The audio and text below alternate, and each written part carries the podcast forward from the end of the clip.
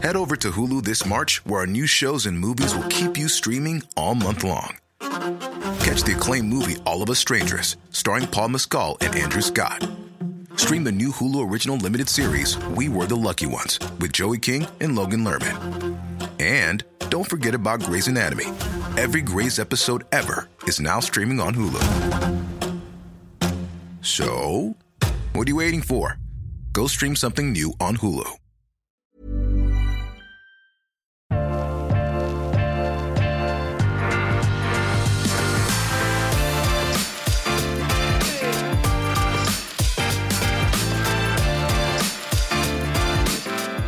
Podkasten denne uken eh, den er litt spesiell. Og eh, det er pga. vi har temaet naturvin. Og det er ikke et tema som jeg ofte vil ta opp. Ikke pga. at jeg, jeg er ikke direkte sånn fan av naturviner. Men med i studiet har vi en, en, som virkelig har fått meg til å få litt øyne oppe på det vi kaller balanserte naturviner. En produsent som uh, har funnet sin vei, blitt godkjent sine viner i VDP-systemet i Tyskland. nå er han i studio. En Welcome, Kai. We have to hear, hear a little bit about you and your family history because you haven't been born yesterday and your family have been in Germany in the Rheinhessen area for many years. But could you give me a short, brief history of the family?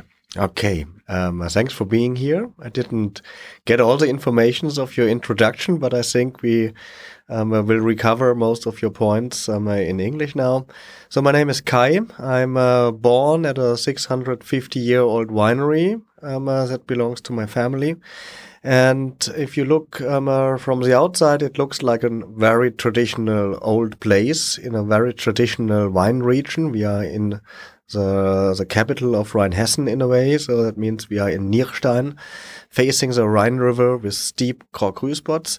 But at the same time, we behave like a small startup and we did change a lot. And I, am looking forward to talk about the background about this mm. change climate. And if we are talking about size, how big is the, your winery? Um, at the moment, we have um, uh, almost 15 hectares um, uh, most of them are certified Premier Cru or Grand Cru. Most of it is um, uh, Riesling. Um, uh, most of it is um, uh, steep or super steep. Everything is organic and biodynamic, of mm. course. And how many bottles do we give you in a good year? So uh, it can vary quite a bit. So it's between 60 and 80,000 bottles out of one vintage, but we will, we are not going to release everything within the first year. Another topic to talk about yeah. soon. But uh, then uh, we can tell us uh, for listeners who, who, want to listen about this view of point of winemaking. This will be a little bit technical episode. It will be an episode about what the climate are doing to us and what you as a producer have to do and how this change. Even if your family have been there for so many years, many hundred years, you have to do actions.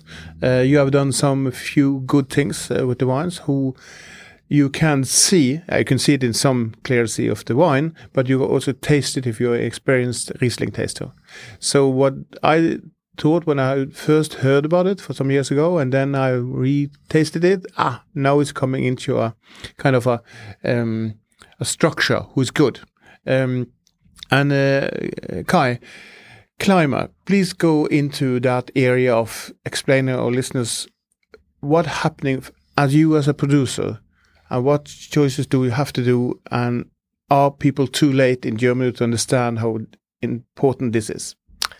I think um, uh, we feel it if we look out of the window or go to the street already today in Oslo that something did happen. And if we look to the details and the numbers, we will easily discover that um, uh, within the last 20, 25 years, um, uh, we had a climate change that we can measure already. So we um, heated up for 1.5 degrees in average in my region.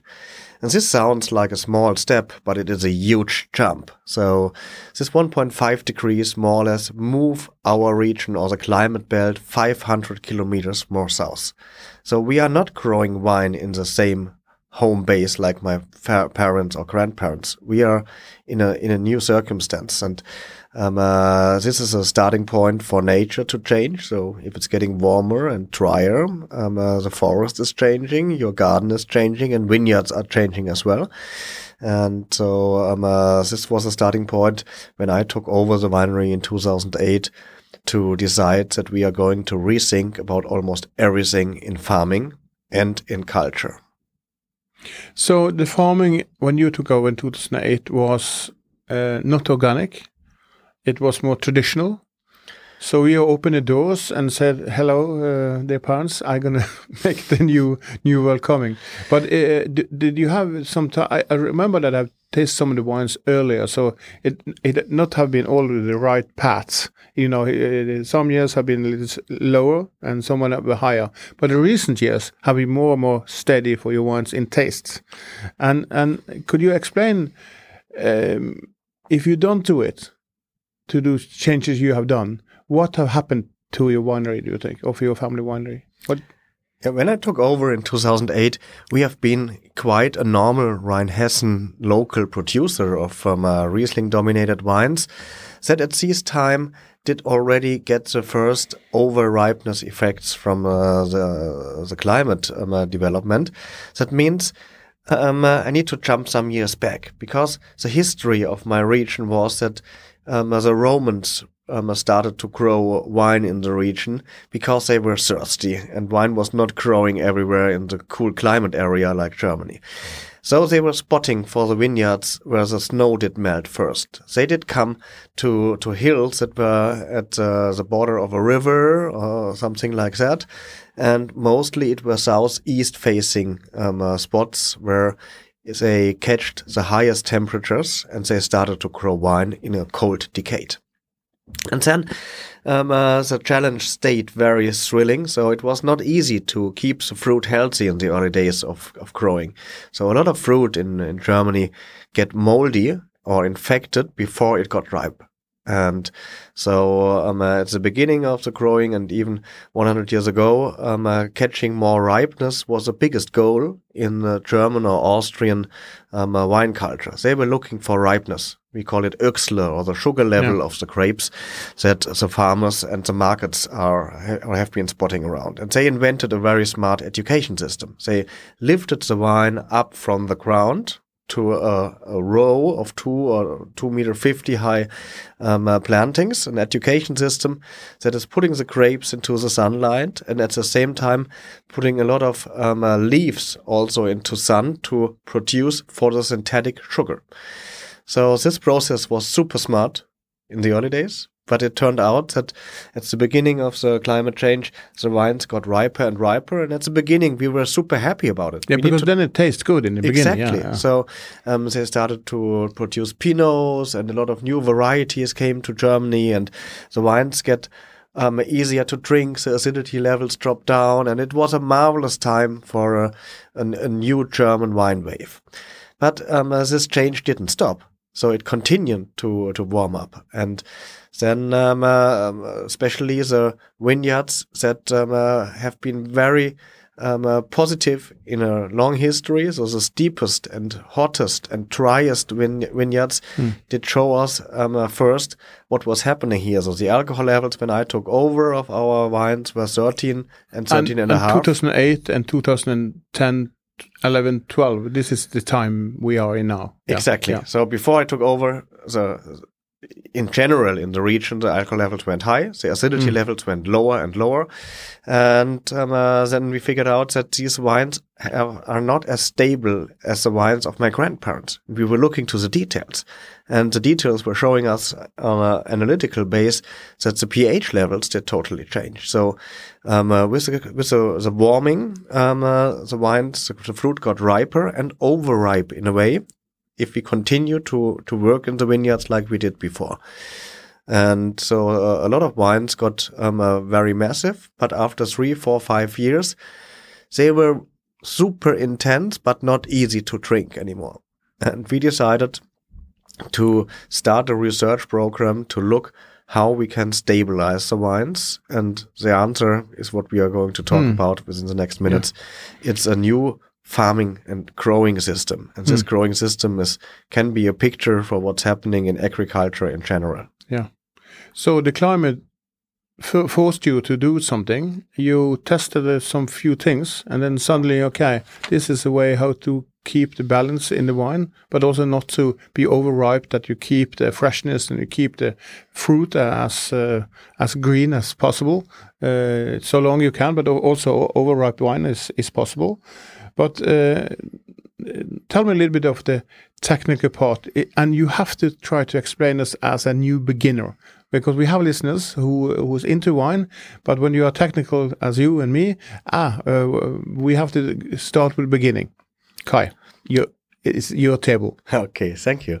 So I try to put it in very simple pictures. If it's getting warmer, sun and UV light are heating up everything. So a plant is consuming more water and um, one day it got stressed.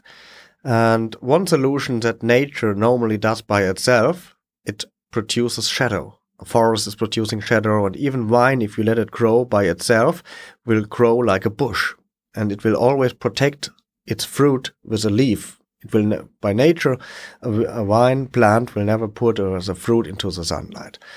Um, uh, the problem was that the kind of um, education system we invented before was doing the opposite. It was lifting the vines up. It was trying to get a lot of sunlight onto the fruit, and it was trying to try the fruit to not to get influenced by the fungus. And what we started to do is to bring more shadow. First of all, of course, um, uh, biodynamic and organic um, uh, work means um, uh, to create a new wildness, taking more um, plants back into the vineyards, taking perhaps animals back into the vineyards to have something growing in between the vines. Um, this was the first step. And the second step is then to not to over educate the wine plants anymore. So we let them, if it's dry, more or less grow like bushes or pergola. So mm. we want to create natural shadow what the wine is normally doing by itself. And this can chill down the system a lot. And this starting point was changing everything. Honestly, when we started it, we did not know what was coming out. Um, uh, but we realized soon that the fruit we did pick after this first sl slide changes was a different fruit. The skin was more heavy. So it's lower eh, to the ground, the fruit. The fruit is sli slightly lower, but it's more than the shadow is over it. Yeah. So the, the wine plants are yeah. producing their own shadow. We don't cut them anymore. No, no. We don't lift everything up. Yeah. We have it more like a wilderness, if it's possible, if you have mm. a dry year. And these um, kind of grapes that have been, that are growing in shadow um, have a technically new um, ripeness window. They are physically ripe. So a kid or people mm. can eat this grape. They are liquid. They are tasty, but they are not as sweet um, uh, as before. So they have less sugar and they have a more stable pH level. That means more acidity that is stabilizing the fruit at mm. the hmm. beginning. And with this fruit, you can do something totally different because it's almost self-stabilizing as a fruit. It's very stable as a juice and it can be super stable as a wine if you ferment it. And that's the next level then. Um, if you bring this fruit to juice and take the full juice without a lot of filtrations or no filtrations, no sedimentations, we let this juice ferment in uh, old oak barrels with natural yeast. And what is coming out here is not oxidative anymore. We will talk later on about the mm. wines. So the result of this um, transformation in the vineyards is a wine that doesn't need chemicals to be stable. It's stable by itself. So it's a kind of, um, you know, as I've learned German to now, I know that you love rules. You, I know you lo loves uh, the same procedures every year, uh, but now you are changing something. You are starting to be more with you and trying this system. And could you explain uh, uh, so easy you can how this is not how this is function to taste? I mean, how do they, do they make wines better? It's just to to keep the pH level, or it's. Uh... So first of all, I want to say a change is, I would say, the most natural thing you should do as a farmer. So a farmer is cultivating nature. It's not wilderness. That means we cultivate plants in a way that they can survive best and give us the best fruit in their situation, in their microclimate. And if um, uh, we transform this to products that people can uh, drink or eat or so on, um, uh, we will learn about taste. And um, um, I'm super convinced that taste, taste is not given by heaven. Um, uh, taste is improving. What we like and what we dislike is a cultural thing as well. And those are wines that are coming out of um, this kind of natural wine revolution that is happening at the moment is not to undo anymore. Sometimes mm. I say it's like the internet; it's not going away anymore. Um, mm. uh, so um, uh, if we learn how this kind of wines taste, and if we see that they are stable, and we feel that they are refreshing, and we feel that they are free of any additives that can touch us, um, uh, I'm super convinced that more and more people um, are jumping into this kind of wine style. And I just came from Copenhagen. It's it's on the streets already, mm. so it's not a micro bubble anymore. No. And if you started to um, uh, drink more natural wines, um, uh, it's very difficult to go back to the classical wine world. Yeah. Um, you but could you agree me uh, with me that natural wine as a concept with all its producers uh, are not in the same path? It's just started. It's just started. It's, it's, a start. But some some of the natural wine producers uh, are a little bit learning, you know, from year to year, coming. And uh, what I taste of your wines, this is the first time we met. You, uh, I've tasted your wines for some years, and I'm very happy to see that you're okay. You have stabilized. You're showing thing who is balanced. They have um, a structure who is good but many natural wine producers are a little bit up and down with acidity. They are not uh, often fruit driven. They are acidity driven. They are not so balanced. And as a wine journalist, I often say, okay, first of all, the wine have to be balanced. It have be you can like bad taste or special taste, but for the normal consumer, they like balanced wines. So you're starting is beginning It's on the streets but actually, there is also, uh, as Norway as one of the be best-selling wines for Riesling, the education of Riesling also have to change a little bit because the um, uh, I see when we taste a lot of wine, as you do, uh, you can see that uh, Germans are getting a little bit boring in the same. There are many some types of wines, but this is different. This have actual layer of concentration of fruit of acidity, of length, and also of uh, probably of aging potential. But um, could you uh, go into that area a little bit of um, of uh, what I'm thinking is is important to to a consumer who wants to test your wines to other styles? Uh, where where do they find the the the, the difference? So at the very beginning, if you start to drink more natural driven wines, um, uh, I think it helps not to compare them directly to wines you had before. It's a new product category, I would say. And I totally agree with you that in a long run, we need balanced and elegant and stable um, uh, wines to come out. Um, uh, but like we pointed out before, we have just started this revolution. And I'm happy for so many pioneers um, uh, that did a lot of experiments that we learned from. And in a micro bubble, we are very tolerant to a kind of very wild natural wine thing. Um, uh, if we bring it to uh, normal normal people and to all of you, um, uh, I totally agree that a wine needs to be drinkable, drinkable, refreshing, hmm. and and clean. And um, uh, that's what we will realize when we taste the wine that I brought today, that it doesn't need um, uh, sulfur or filters to make a stable and clean wine. We have no volatile acidities or no mistakes, no yeah. vinegar taste. We have no brown products. They are clean and stable and um, white, like mm. a like a normal wine. Yeah. And I'm pretty much convinced that in the long run, um, uh, this kind of natural wines will be line up or next to normal wines or classical wines before, um, uh, because we are getting better and better in producing super elegant drinks. It's not against the classical wine world; it is the transformation of the wine world in general. Yeah. But uh, for the next chapter of this little talk, who could be technical for some of, of listeners, you have to listen uh, more because now I'm going to ask some question I think is very good for to understand the meaning of, uh, and we have to go into two uh, terms. Is one is the Sylvaner, is one is flor, and please, uh, what happened in 2008 with the, your Sylvaner? So, um, uh, yeah, Sylvaner was a grape. We started the wildest projects first. Because when I took over, I took over a Riesling winery with some Sylvaner vineyards as well. And, um, uh, yeah, in these times, there was no very exclusive world for high-end Sylvaners from our region.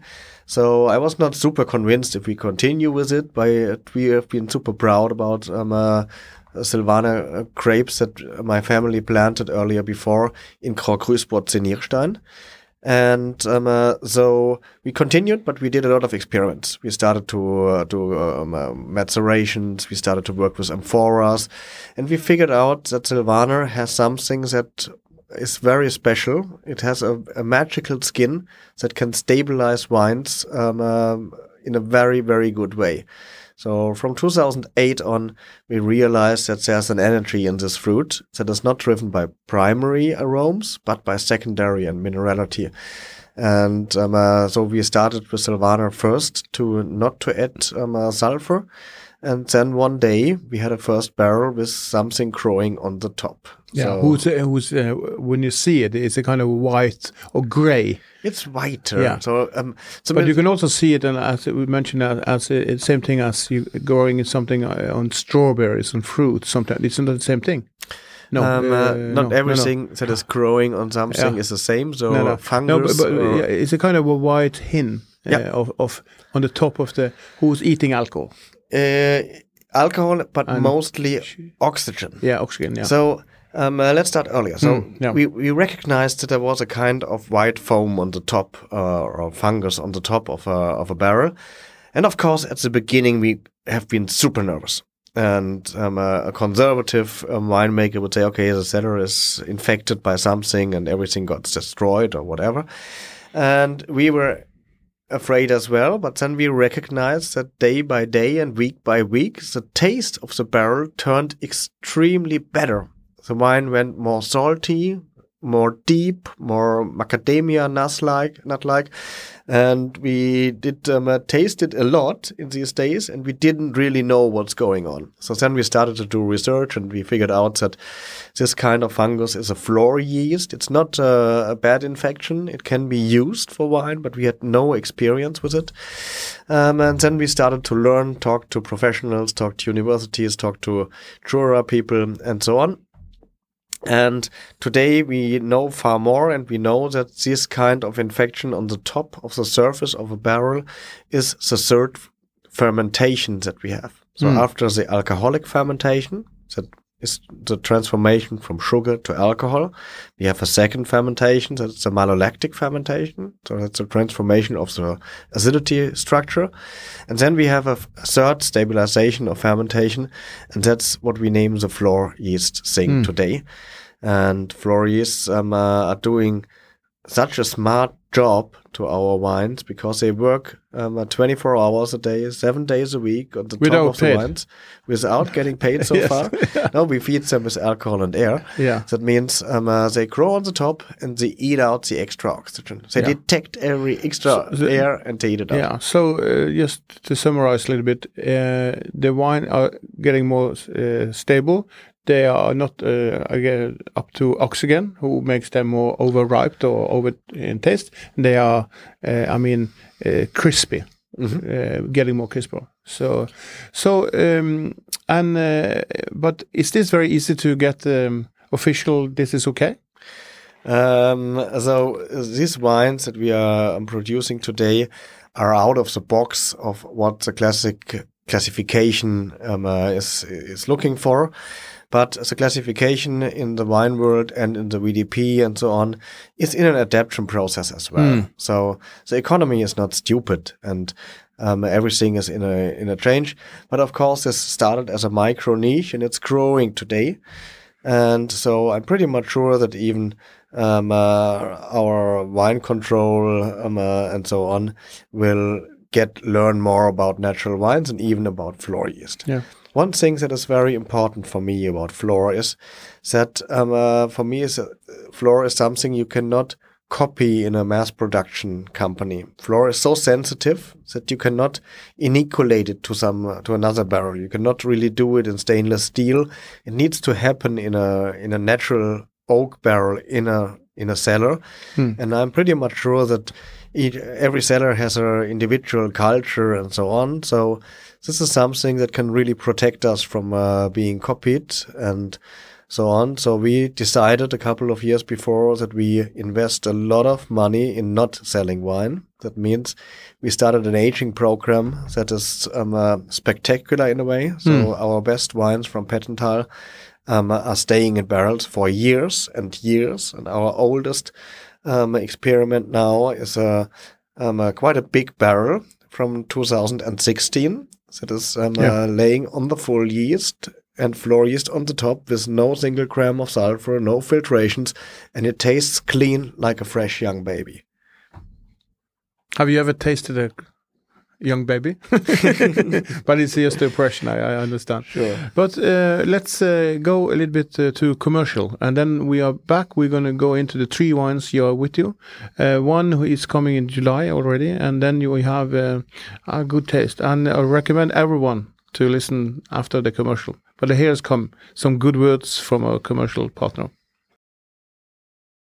Og Da er vi tilbake igjen med en liten spesialepisode som handler litt om naturviner, og hvordan man bruker flår i, eh, i, eh, i vinifikasjon av tysk eh, Riesling. Noe som kan komme i fremtiden mye. Med i studiet har vi med en produsent som er engasjert, ledende og veldig flink. Uh, and uh, we are going over to English again, Kai. Uh, and we are back from the commercial. And do you have any wine cabinets at home? Any wine? Wine cabinets. So you you- mean uh, reserve wines? No, or- you're just at home in uh, as a fridge for wines. At home in your kitchen. Do you have any wines in your? Of Private- course. Yes. Um, uh, of course, we are drinking wines to learn, to improve, Yeah. and to adapt. And um, uh, we are in a very good exchange with a lot of producers worldwide that Hmm. are coming into this wave. Because what we have been talking on the last minutes is not just that we change slightly some wines. We want to um, uh, draw a picture that helps people to understand what's happening out there in nature that's happening in normal agriculture as well. It's getting drier, it's getting warmer, and we need to find a way to survive with this kind of plantings and so on. And I'm pretty much sure that, for example, irrigation is um, uh, not a solution to waste drinking water to produce alcohol. Um, uh, and we need to find a new way of agriculture. And wine is a very good ambassador for this kind of idea because wine brings the farmer to a table wine can age and wine can um, uh, tell and teach people about a new status, a status that is um, uh, sustainability and um, uh, an impact on our future. So um, uh, let's taste some of these pioneers Yeah, and yeah. let's talk um, uh, about your experience with this kind of wines and Yeah. how do you feel um, uh, to transform this kind of um, We- we- ideology yeah, to yeah. a kind of um, pleasure. That's what we're going to do. But as my question was, at home, uh, in your kitchen, do you have any wine cabinets to store your wines? And how do you use your cabinets at home? Not cabinet from wine, but wine fridge. You so have I? I, I have a, a very normal fridge Yeah. in my kitchen. Okay. So um, uh, but mostly I don't have the wines that I drink in my kitchen. I store them in my cellar. So Hmm. if um, uh, I need a good bottle, bottle I go down to Yeah. the cellar or to my my storage. what is your fetch it there. uh, favorite temperature to drink wine? So um, um, for wines that are so relaxed, like the drinks we are getting now, it's of course nice if you have it cold, but it's not a mistake and not a big issue to have them with 12 or 13 degrees as well. Um, uh, But uh, do you go go down to eight nine degrees? Or? you can start drinking, especially in summer days, with 8 9 degrees. If you have it, a big glass, it's warming up by itself quite fast. So easier to have it a little bit colder at the beginning Yeah. than it warm up in the glass. So. But let's begin. Uh, the first one we're going to uh, taste um, it's a little bit uh, what you said, not clear, uh, but uh, the the fruit are very clear, uh, very very, and uh, this is the expression what we are called um, uh, in Norwegian as as a applemost, as a cider more or less. In in the colors is kind of a. yeah, what should I say? It's På norsk kaller vi den litt tåkete, grumsete. Um, but the wines are more or less not normal to look at, but it tastes the acidity level is very good, and also the fruit level here is fruit driven. Could you please bit tell me a little bit more about the the wine, the first one we have? So we are having our entry level in our actual portfolio. It's a wine we name Naturweiss. And this wine should be our ambassador for drinkable, affordable, and available Naturwein. It's super refreshing. Hmm. You just explained it in a very nice way. It's so refreshing that you can use it as a spritz with with water as a very low alcoholic drink in summer. You can have it like we have it now here. Yes, it has some milkiness, so there are mm. some yeast still in yeah. the wine. It's not filtered. It is not stabilized with sulfur. But um, uh, as you pointed out, there is this kind of inner energy and this kind of combination of acidity that is still here and a kind of saltiness. And this makes the wine so umami and so easy to, to, to drink and re-drink. It's low in alcohol, 11.5 only, I think. And it's made mostly from Riesling, some Silvaner and some other varieties. But the point here is the drinkability level. Yeah, and also the price is uh, 209 kroner and 210 Norwegian kroner. That means that this one here you have to test, because if you have this to uh, uh, some chicken with uh, butter sauce, if you have it to to some, um, as you say, okay, on the terrace, you mentioned water um, or ice.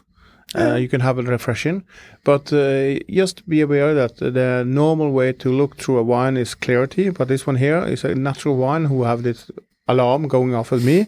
But this one here with acidity, even reached up to many many different areas of use, and and I think uh, the wines here because of the price is lots of wines for the money, but one of one you have to taste. But this is what I call a balanced natural wine. Thank you. It have higher level of acidity. It have a little bit strange color, but color doesn't mean anything. But the length of this is what I think is uh, good.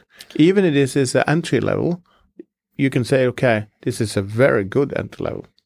Thank so, you. Um, um, and this is uh, uh, I've tasted for, for some years, and, and I think that you are you're pinching it every year, probably because of different thing you do. But in the end, when I taste the wines, very good wines.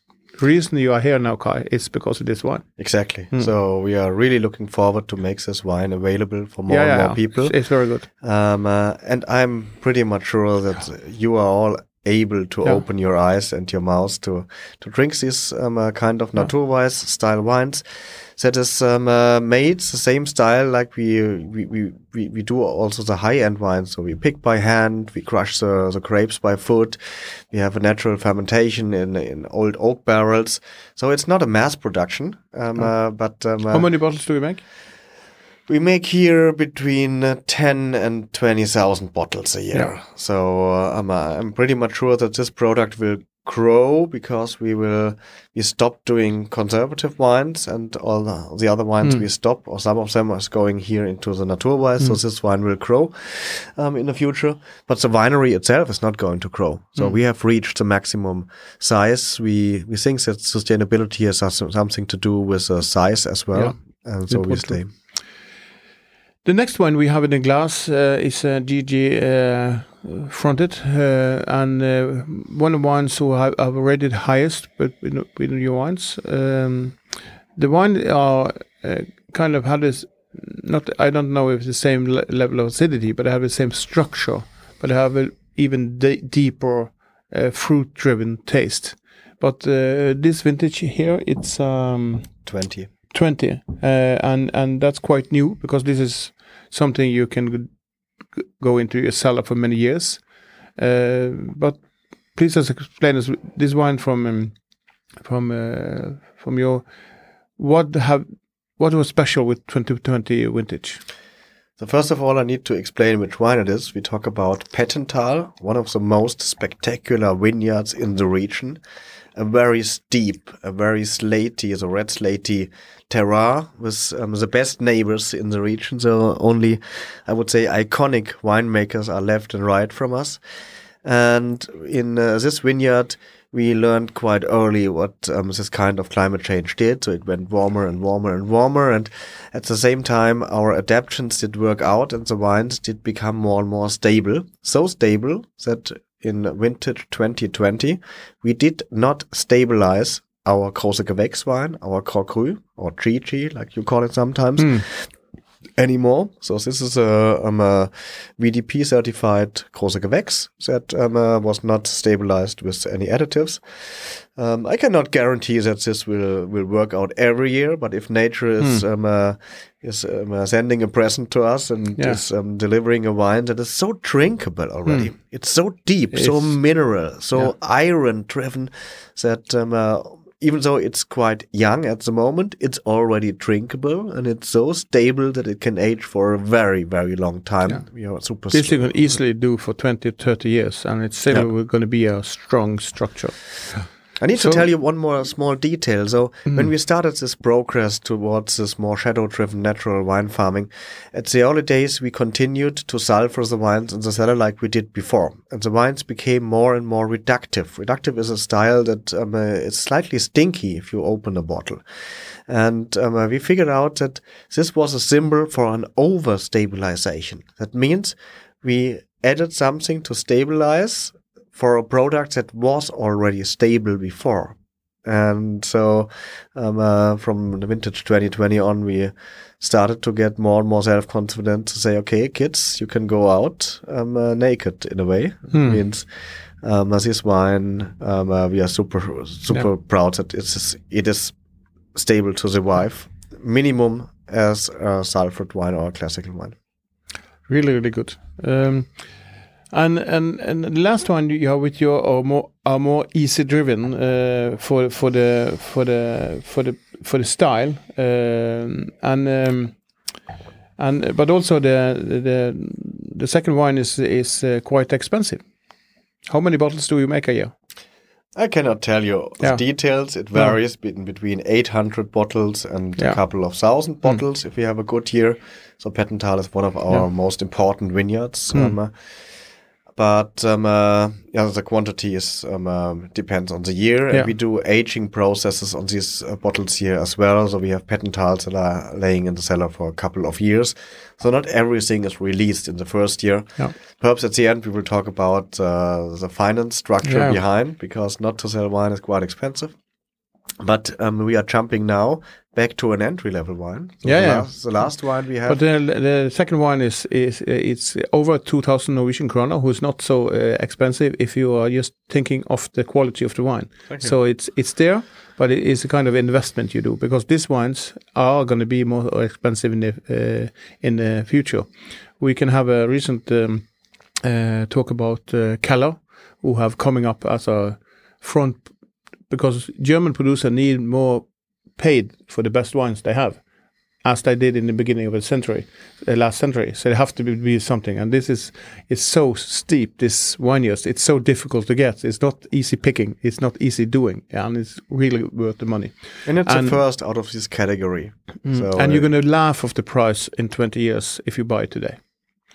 But we're going to the next one. And the first impression when you talked I drink, uh, uh, uh we go into the Kabinett, uh, who means that it have a little bit more uh, um, balanced sugar and acidity level. It's very easy drinking. Uh, and we're going also over to a different price level. But please tell us of the third one. It's a 2020 vintage of? Of Kabinett mm. Riesling.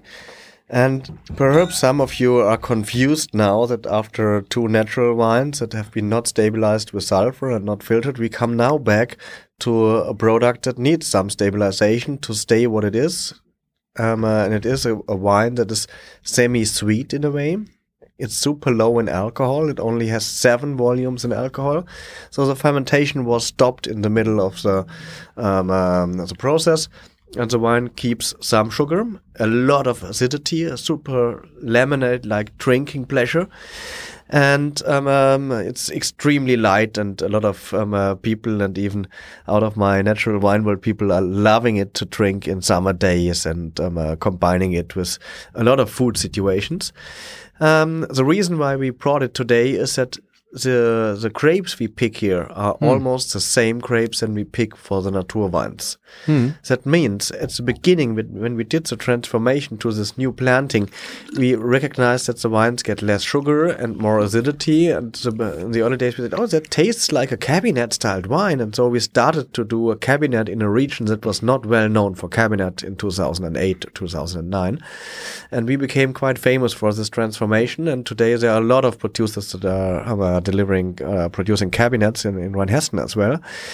So this wine tastes totally different than the wines before, but the uh, the the farming behind is the same. This is a biodynamic Kabinett. This is a Kabinett that is telling the same story about the climate change. It's just a different um, vinification. So we we use some stabilization to stop the fermentation to keep it what it is, and um, um, as a positive effect, we get less and less alcohol. What is a good impact as well. Yeah, because it, it's very easy drinking, but it also have the the fruit driven concentration that I assume it was higher alcohol level. I assume it was a higher price, but for 189 kroner, it's a bargain for sure. Uh, but still, uh, that means that to the three, three wines we have here today, we have tasted the top. Yeah, fantastic, good. But the natural one, uh, please try it, and and you will be amazed what a dry, balanced natural wine are. Uh, the strength and the length of the wine means that it's food friendly as ever.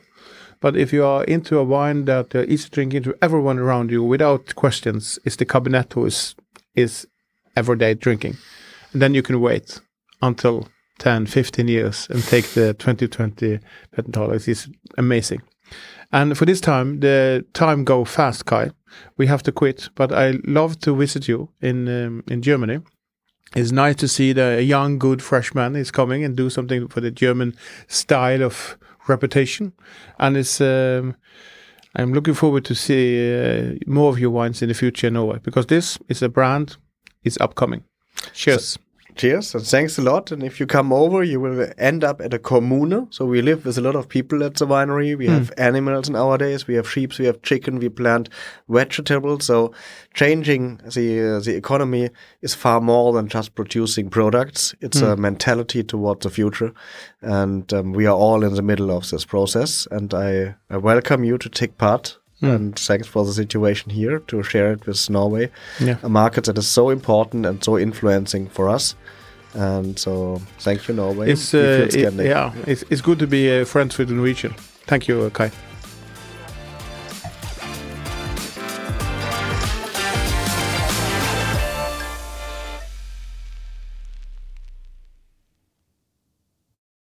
Ukens vindtips med Svein er en Finansavisen-podkast. Programleder er Svein Lindin, produsent er Lars Brenden Skram, og podkast- og videoansvarlig er Marius Mørk Larsen. Ansvarlig redaktør er Trygve Hegdar.